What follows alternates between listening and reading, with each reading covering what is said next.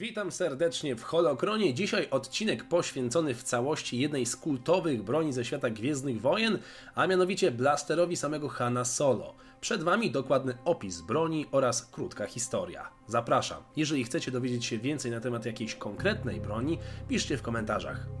Pistolet, który dzierży nasz przebojowy szmugler, to wyprodukowany przez Blastech Industries Blaster model DL44, będący ciężkim pistoletem blasterowym. Jego najważniejszą cechą był fakt, że można było go zmodyfikować na wszelakie sposoby, tak by spełniał wymagania nawet najbardziej wybrednych użytkowników. Był do tego niezwykle celny i dysponował dużą siłą wrażenia. W porównaniu z innymi pistoletami blasterowymi nie miał sobie równych, jeżeli chodzi o moc pocisków przy zachowaniu wspomnianej celności. Był pierwszym wyborem nie tylko żołnierzy za czasów Republiki i wojny galaktycznej, ale również łowców nagród czy szmuglerów.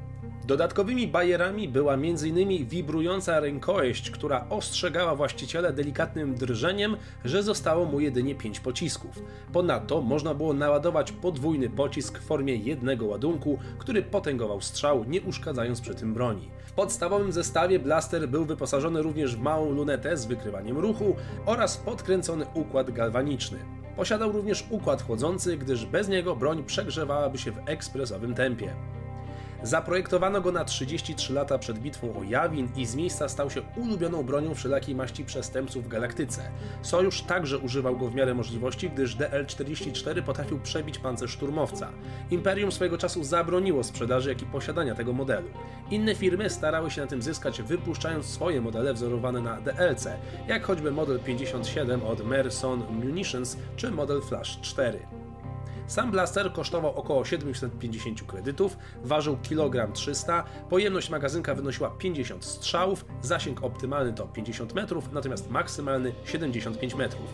Han Solo ze swojego modelu usunął mechaniczne przyrządy celownicze, by zyskać na szybkości wyciągania broni z kabury, co zresztą było kolejną zakazaną przez Imperium modyfikacją.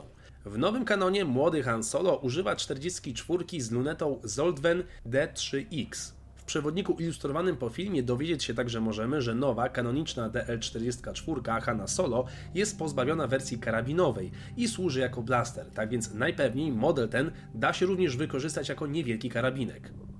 A co do prawdziwej historii samego modelu. W 1977 roku, gdy do sklepów trafiła zabawka w formie blastera Hanna Solo, nosiła ona nazwę po prostu laserowy pistolet. Sama broń, widoczna w klasycznej trylogii, to przerobiony niemiecki Mauser C96 zwany Broomhandle, czyli rączka odmiotły.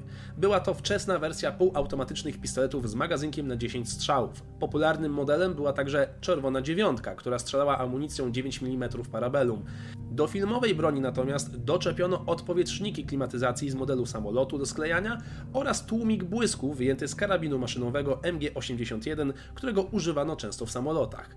Luneta to natomiast Hensoldt Weltsar Ziel Dialit 3X, nazwa łudząco podobna do gwiezdnowojennego odpowiednika.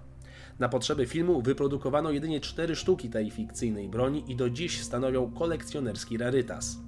Dzięki za oglądanie, dajcie znać, jakie inne bronie chcielibyście poznać w odcinkach Holokronu. Koniecznie zostawcie łapkę w górze i oczywiście niech moc blasterowych błyskawic będzie z Wami.